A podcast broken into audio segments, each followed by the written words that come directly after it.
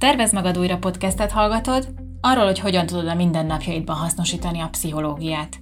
Csekovszki Anna vagyok, pszichológus, és ebben a podcastben érdekességeket, kutatási eredményeket és olyan gyakorlatokat osztok meg, amelyek neked is segíthetnek, hogy kiegyensúlyozottabb és teljesebb életet élj.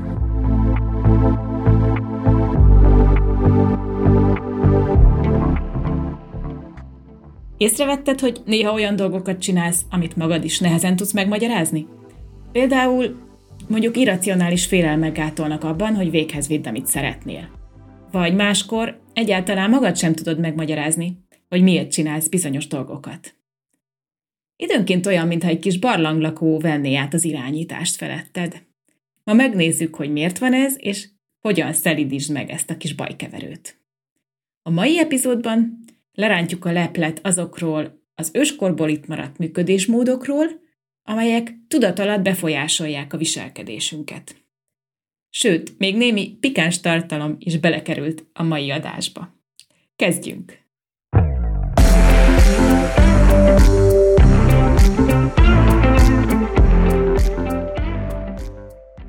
Hogy miért feszülsz be, ha arra gondolsz, hogy idegenekkel ismerkedj mondjuk egy networking eseményen – Miközben pedig, ha barátaiddal vagy, akkor egyáltalán nincsen problémád azzal, hogy beszélgetéseket kezdeményez.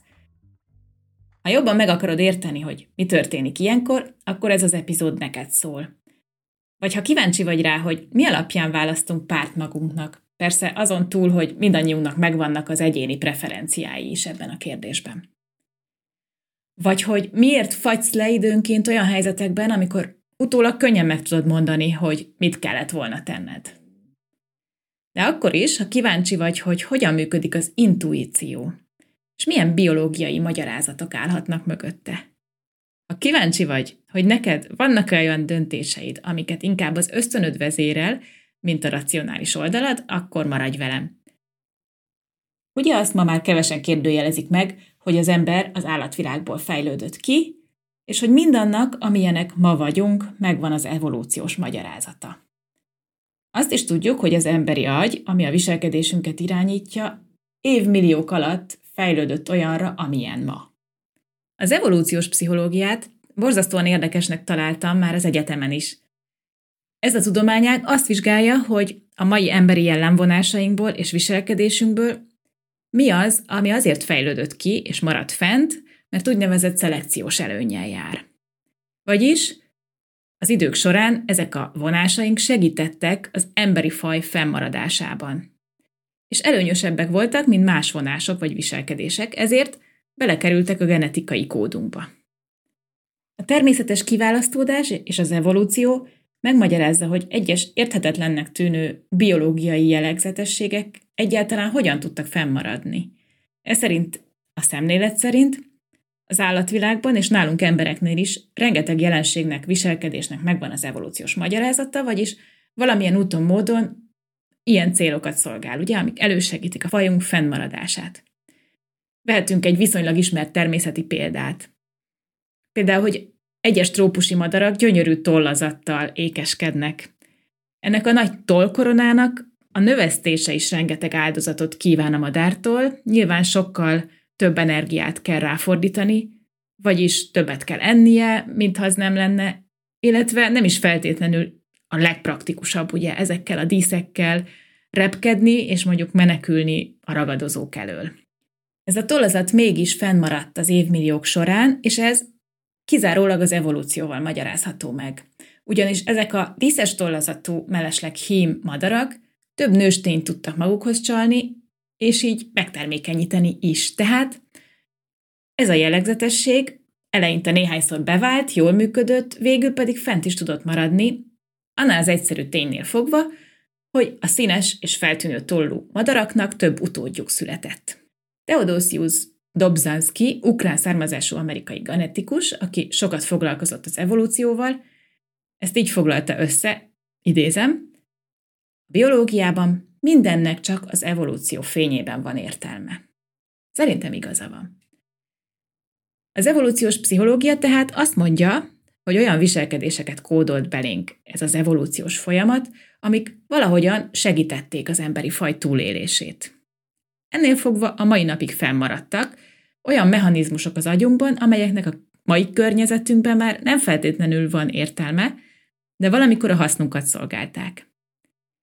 Mivel az evolúció sokkal nagyobb időtávlatban működik, mint amióta megváltoztak az életkörülményeink, mondjuk a mezőgazdaság vagy az iparosodás kialakulásával, tehát az eltelt néhány évezred vagy évszázad alatt az agyunk fejlődése gyakorlatilag nem tudott lépést tartani a világunk átalakulásával.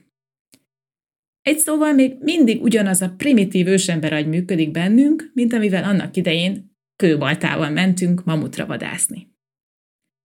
Ez aztán okoz némi vicces vagy éppen bosszantó hatást az életünkben. Például az egyik ilyen az, hogy általában mi emberek nagy vonzalmat érzünk az energiadús, kalóriadús, cukros ételek iránt, mint amilyen például egy szelet sütemény, vagy egy jó kis jégkrém nyáron. Ezek a kalóriabombák, amik ősember korunkban mondjuk lehetett egy finom érett gyümölcs, jó kis azonnali energialöketet adnak, amivel nem is volt semmi gond, amíg a túlérésért folytatott küzdelmünkben le is dolgoztuk, lefutottuk, gyalogoltuk, harcoltuk a többletenergiát, de nyilván manapság, amikor a számítógép előtt töltjük a napot, akkor ez a fajta energiabevitel már sokkal kevésbé szolgálja az érdekeinket. Vannak tehát ilyen hibák a rendszerben, ilyen lejárt szavatosságú evolúciós kódolás, vagyis valami, ami a régmúltban jól működött, de a mai világban már nem állja meg a helyét. Egy izgalmas téma, mivel az evolúciós pszichológia sokat foglalkozik, a párválasztás témaköre. Magyarázatot ad például arra, hogy miért van az, hogy mondjuk én, mint nő, sem dobom azért félre az izmos tűzoltókkal készült naptárat, hogyha véletlenül elém kerül, nem tudom, hogy ez megvan-e, hogy van egy ilyen naptár, amit minden évben jótékonysági céllal adnak ki e, ausztrálok, amiben tüzes háttér előtt fotóztak le izmos, félmeztelen tűzoltókat. Szóval, persze ezt én mondjuk átlagnőként szívesen megnézem, de nem tud azért annyira beszippantani a dolog, mint egy férfit, ugyanez a fajta vizuális inger. Azt látjuk és tudjuk, hogy a mesztelen női test látványára egész iparága képülnek. Elég csak a Playboyra és hasonló társaira gondolni, amik ugye töretlen népszerűségnek örvendenek. Ezért persze okolhatnánk a nyugati társadalmaknak az erősen férfiak által dominált kultúráját is, de az evolúciós pszichológia egy másik magyarázatot is kínál. Azt mutatják az ilyen téren készült kutatások, hogy a férfiaknak egyszerűen fontosabbak ezek a vizuális ingerek, mint a nőknek.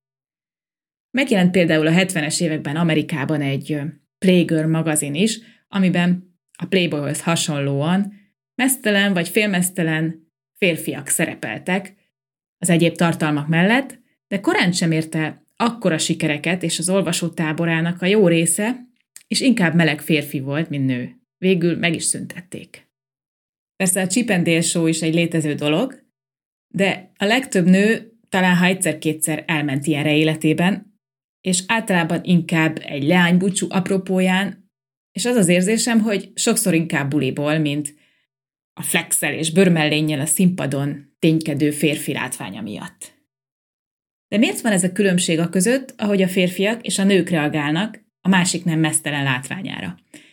Mivel egy férfinak sokkal több gyereke lehet, mint egy nőnek, ugye biológiailag, ezért szigorúan evolúciós szempontból nézve egy ősember akkor növelte az utódai számát a lehető legnagyobb eséllyel, hogyha minél több egészséges és fizikailag vonzó termékeny nővel létesített szexuális kapcsolatot. Tehát a férfinak hatványozottan fontossá vált, hogy felismeri azokat a külső jeleket, aminek alapján a nőt egészségesnek és az utód kihordására alkalmasnak tudja ítélni. Ezek a külső jelek egyébként a gömbölyű formák, a szabályos arc, a vastag ajkak és hasonlók, aminek ugye egy részét a nők legtöbbje szinte ösztönösen szeret kihangsúlyozni, hogyha mondjuk rendezvúra készül. Ezt szolgálja az öltözködésünk, a smink, a rúzs, tehát ezek az ősi figyelemfelkeltési stratégiák, így jelennek meg a napjainkban. Szóval azt mondtuk, hogy a férfinak evolúciós okokból fontos a vizuális inger, vagyis a látvány, de mi a fontos a nőnek? Még mindig hangsúlyozom, hogy itt az elméleti háttérről beszélünk, Tehát kutatási eredmények és statisztikák alapján azt nézegetjük, hogy mit mondanak a számok. Az egyes emberek életét ez csak kisebb mértékben fogja befolyásolni, mert nyilván ezer más dolog is közbejátszik a párválasztásunkban, de érdekes felismerni, hogy hol jönnek a képbe ezek az ösztönös reakcióink. Mivel az ősasszony annak idején mindenképpen maga kellett felnevelje az utódait, tehát etesse, megvédje a ragadozóktól, vagy akár más ősemberektől, neki az vált fontossá, hogy olyan apát találjon, aki maga is hajlandó ebbe befektetni. Másként mondva, az volt az igazán sikeres női stratégia, amivel az ősasszony képessé vált felismerni, hogy melyik férfira számíthat hosszabb távon. Így aztán ahhoz a férfihoz vonzódott, aki udvarlással és mindenféle más módokon, például ajándékokkal is kimutatta, hogy lehet rá számítani, és megfogja, és meg is tudja védeni a közös utódot.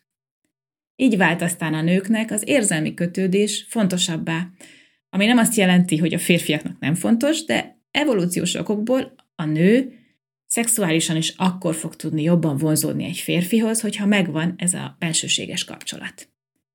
Nyilván egy ilyen érzelmi kapcsolatban az is könnyebben kiderül, hogy mennyire bízhatunk meg a másikban. Ez pedig érthető okokból fontos volt annak a bizonyos ősasszonynak. Mondtam az epizód elején, hogy arról is fogok beszélni, hogy hogyan befolyásolja a tágabban vett társas viselkedésünket az evolúció. Arra gondolok például, hogy a legtöbbünknek a hideg futkos a hátán, hogyha meghallja a networking szót. Nagyon divatos manapság, hogy kapcsolatokat kell építeni, olyan társasági eseményekre járni, ahol lehetőleg senkit nem ismersz, és ott célirányosan ismerkedni azokkal az emberekkel, akikkel aztán majd segíthetitek egymást, vagy egyszerűen barátkozhattok. Ez mind nagyon jól hangzik, és egy percig sem kérdőjelezem meg, hogy valóban hasznos is, de miért van az, hogy a legtöbb ember tapasztalataim szerint ettől zsigerből óckodik? Amikor a tanácsadáson beszélünk mondjuk arról, hogy valakinek több emberi kapcsolatra lenne szüksége, tehát megvan a vágy, és tegyük fel, megvan a lehetőség is, mondjuk eljárhatna szakmai rendezvényekre, vagy valamilyen klubba, vagy tanfolyamra, ahol ismerkedhetne, akkor a legtöbbször ott akad el a dolog, hogy valahogy ösztönösen taszítja a gondolat is, hogy csak úgy megjelenjen egy idegen közösségben, és ott bárkivel szóba legyedjen. Ebben a helyzetben két egymással ellentétes evolúciós szükségletünk ütközik össze. Egyrésztről nyilvánvalóan sokkal jobbak voltak a túlélési esélyeink csoportban, azaz az ösztönünk húz a társasághoz. Nem hiába mondják, ugye, hogy az ember társas lény. Sőt, az se volt mindegy, hogy meg tudjuk különböztetni a saját csoportunkat, vagyis a hordát, a törzset, akármit, ahova tartoztunk az ellenségtől. Tehát olyan viselkedések is kifejlődtek, amik az összetartozást mutatják és erősítik, mint például a hasonló öltözködés, vagy a hasonló külsejű etnikai csoporthoz való vonzódás. Ezzel egy időben megtanultuk, hogy az emberi kapcsolatok kölcsönösségre épülnek és idővel fejlődnek ki.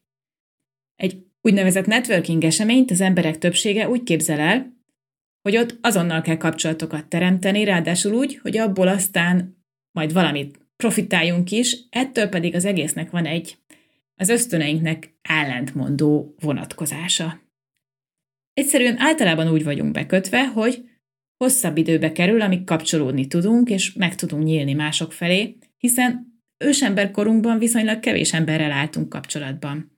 Kisebb csoportban éltünk, de azok általában élethosszig tartó kapcsolatok voltak. Azért az igazsághoz az is hozzátartozik, hogy ezeket az ösztönöket felül lehet írni tanult viselkedéssel.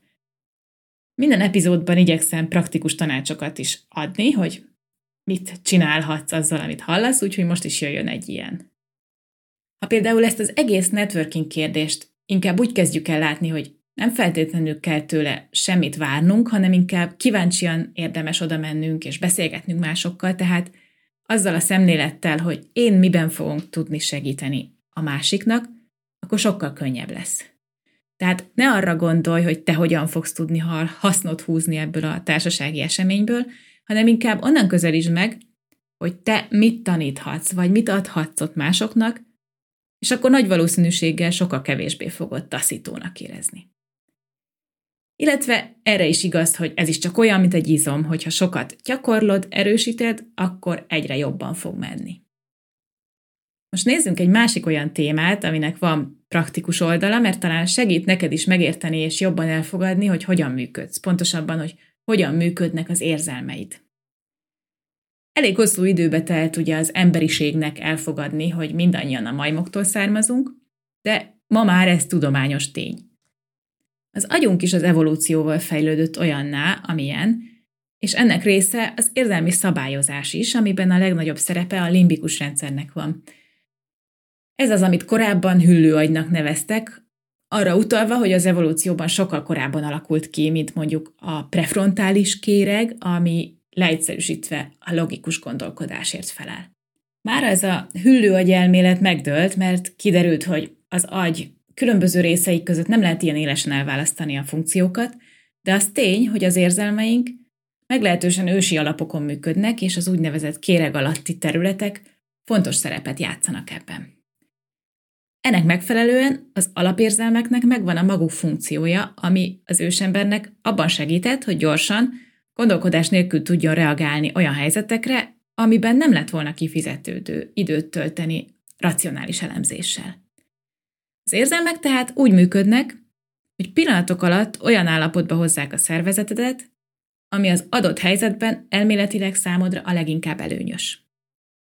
Kicsit olyan ez, mint egy rövid zárlat, így nem kell lefutnia egy hosszú programnak ahhoz, hogy eldöntsd, hogy hogyan reagálsz. Például itt van a harag és a düh, amiknek az a funkciója, hogy jelezd, hogy nem hagyod, hogy átgázoljanak rajtad. Vagy hogy meg fogod védeni magadat. Az emberek egyébként különösen jók abban, hogy felismerjék egymásban a dühöt, vagyis a fenyegetést. Kutatásokból az is kiderült, hogy a védekezésen túl a harag azt a célt is szolgálja, hogy fenntartsuk a kapcsolatot. Így már sokkal könnyebb megérteni, hogy miért vagyunk gyakran dühösek barátokra, vagy a párunkra, vagy családtagokra, mert hogy ezeknek a kapcsolatoknak van igazán tétje és jelentősége számunkra. Tehát ezekbe hajlandóak vagyunk azokat az erőforrásokat is beletenni, mint amilyen az idő és az energia, amit egy jelentéktelenebb kapcsolatra nem szánnánk rá. Ezt akár úgy is értelmezhetjük, hogyha dühös vagy valakire, az azt is jelenti, hogy valamilyen módon fontos a számodra. Egy másik példa erre a félelem, ami szintén azonnali válaszreakciót vált ki bennünk, és attól függően, hogy mennyire érezzük magunkat nyerekben, menekülni, támadni, vagy esetleg megdermedni fogunk. Ez ugye fight or flight reakcióként is ismerős lehet, de valójában úgy helyes, hogyha azt mondjuk, hogy fight, flight or freeze. Mert a harmadik opció, hogy lefagyunk egy helyzetben, amikor megijedünk, és ez is lehetséges. Ha mondjuk észrevétlennek kellene maradnunk, amikor egy kartfogó tigris sétál el mellettünk, akkor ez a megfelelő alkalmazkodási stratégia. De ha mondjuk valaki agresszíven viselkedik veled, és ettől lefagysz, csak hallgatod, és szinte kilépsz a helyzetből, akkor ezzel általában nem segítesz magadon. Bizonyos megrázó vagy erős érzelmeket kiváltó élmények ennek a primitív rendszernek következtében aztán belénkéknek. Például, hogyha mondjuk kicsikorodban megcsípett egy darázs, és ezt az agyad összekötötte egy borzasztó fájdalommal és félelemmel, akkor lehet, hogy egész életedben rettegni fogsz a darázsaktól, és a világból is kifutnál, ha meglátsz egyet. Ez mondjuk egy saját élményem, de van olyan is, aki a kutyáktól retteg, vagy mondjuk a kiabáló emberektől egyszerűen azért, mert egy korai élményével érzelmileg beleégett a félelem. De beszéljünk egy kicsit arról is, hogy hogyan tudnak az érzelmi raktárkészleteid mégiscsak ügyesen segíteni, hogy eligazodj nagyon is összetett helyzetekben. És itt jön be az intuíció, a megérzés szerepe. Ugyanis az intuíciónk nem csak úgy a semmiből jön, hanem köze van az érzelmeinkhez és a tapasztalatainkhoz is. Mindjárt el is mondom, hogy hogyan. Szeretjük azt hinni, amikor hallgatunk a megérzéseinkre, hogy valamilyen felsőbb erő sukta meg a választ. Van erre egy szavunk is, ugye azt mondjuk, hogy isteni sugallat. Lehet, hogy valakivel megismerkedsz, és azt sugja az ösztönöd, hogy az illető megbízható, vagy éppen nem az. Vagy mondjuk néhány interjú után kapsz egy állásajánlatot de van valamilyen furcsa megérzésed a céggel kapcsolatban, ami miatt nehezen szánod el magad, hogy aláírd velük a szerződést. Lehet, hogy mégis megteszed, aztán még a próbaidő alatt kiderül, hogy mégsem ez a neked való munkahely. A nagyszüleink generációja én úgy gondolom, hogy még sokkal közelebbi kapcsolatban volt ezekkel a megérzésekkel. Például a nagymamámnak rendszeresen voltak megérzései, és hallgatott is rájuk, de mondjuk az álmait is eléggé komolyan vette. Mi már egyre távolabb kerültünk ettől kulturálisan, pedig jobban tennénk, hogyha nem vennénk semmibe az intuíciót. Ugyanis van értelme, és mindjárt el is mondom, hogy hogy működik. Mondjuk képzeld el az első szituációt, hogy megismerkedsz valakivel. Ugye ilyenkor az agyunk rengeteg információval dolgozik. Ott van egy részről, amit az illető mesél magáról, amit mond, aztán ahogyan kinéz, milyen a ruházata, egy csomó vizuális információ. Ha ezeket mind elemezni szeretnénk, akkor sosem érnénk a végére. Másrésztről minden emberi találkozásnak van egy irracionális, nehezen megmagyarázható része, amire azt lehetne mondani, hogy a benyomás. Ez inkább érzésekből áll össze, és sokkal kevésbé tudatos szinten zajlik, mint az előbbiek. De ugyanez a helyzet, hogyha bemész egy céghez állásinterjúra. Egyrészt tudatos szinten látsz bizonyos dolgokat, de mondjuk azt, hogy az emberek között feszültség van, vagy rossz a hangulat, azt a legritkább esetben fogod tudatosan észrevenni. Pedig ez egy nagyon fontos információ lenne, amiből le tudnád szűrni, hogy egyáltalán szeretnél-e itt dolgozni. Valójában, ha nem is tudatos szinten, de hozzáférsz ehhez az információhoz, mégpedig az intuíciódon keresztül. Ez is az evolúcióval alakult ki, hogy az ősember egy összetett helyzetben, mondjuk abból, hogy hogyan viselkednek az állatok, meg merről jönnek a felhők, meg milyen a levegő szaga, különösebb elemzés nélkül le tudta vonni a következtetést, hogy mondjuk menekülni kell, mert erdőtűz van. Ehhez a rövidített agyi pályát, vagyis az érzéseit használta, és ugyanezt használjuk ma is, amikor felmérünk egy helyzetet, és az intuíciónk alapján döntünk. Szóval mi ebből a konklúzió? Hogy bizony az intuíciónkat tényleg érdemes komolyan venni, mert sokkal racionálisabb, mint hinnénk, és attól, hogy nem tudjuk megmagyarázni, ha van egy ellenérzésünk, vagy egy jó megérzésünk valamivel kapcsolatban, tehát hogy nem tudjuk megmagyarázni, hogy az honnan jön, attól még legitim lehet. Csak éppen a kis barlanglakó veri a harangot a fejedben. Aki nem buta, csak nem tud még beszélni.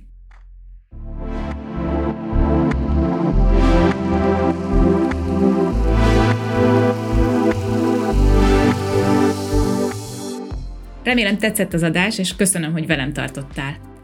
Jövő héten egy újabb epizóddal várlak. Hogyha szeretnél még hasonló tartalmakat hallgatni, akkor kövesd a podcastemet, és értékeld az adást az iTunes-on vagy az Apple Podcaston. Viszlát a jövő héten!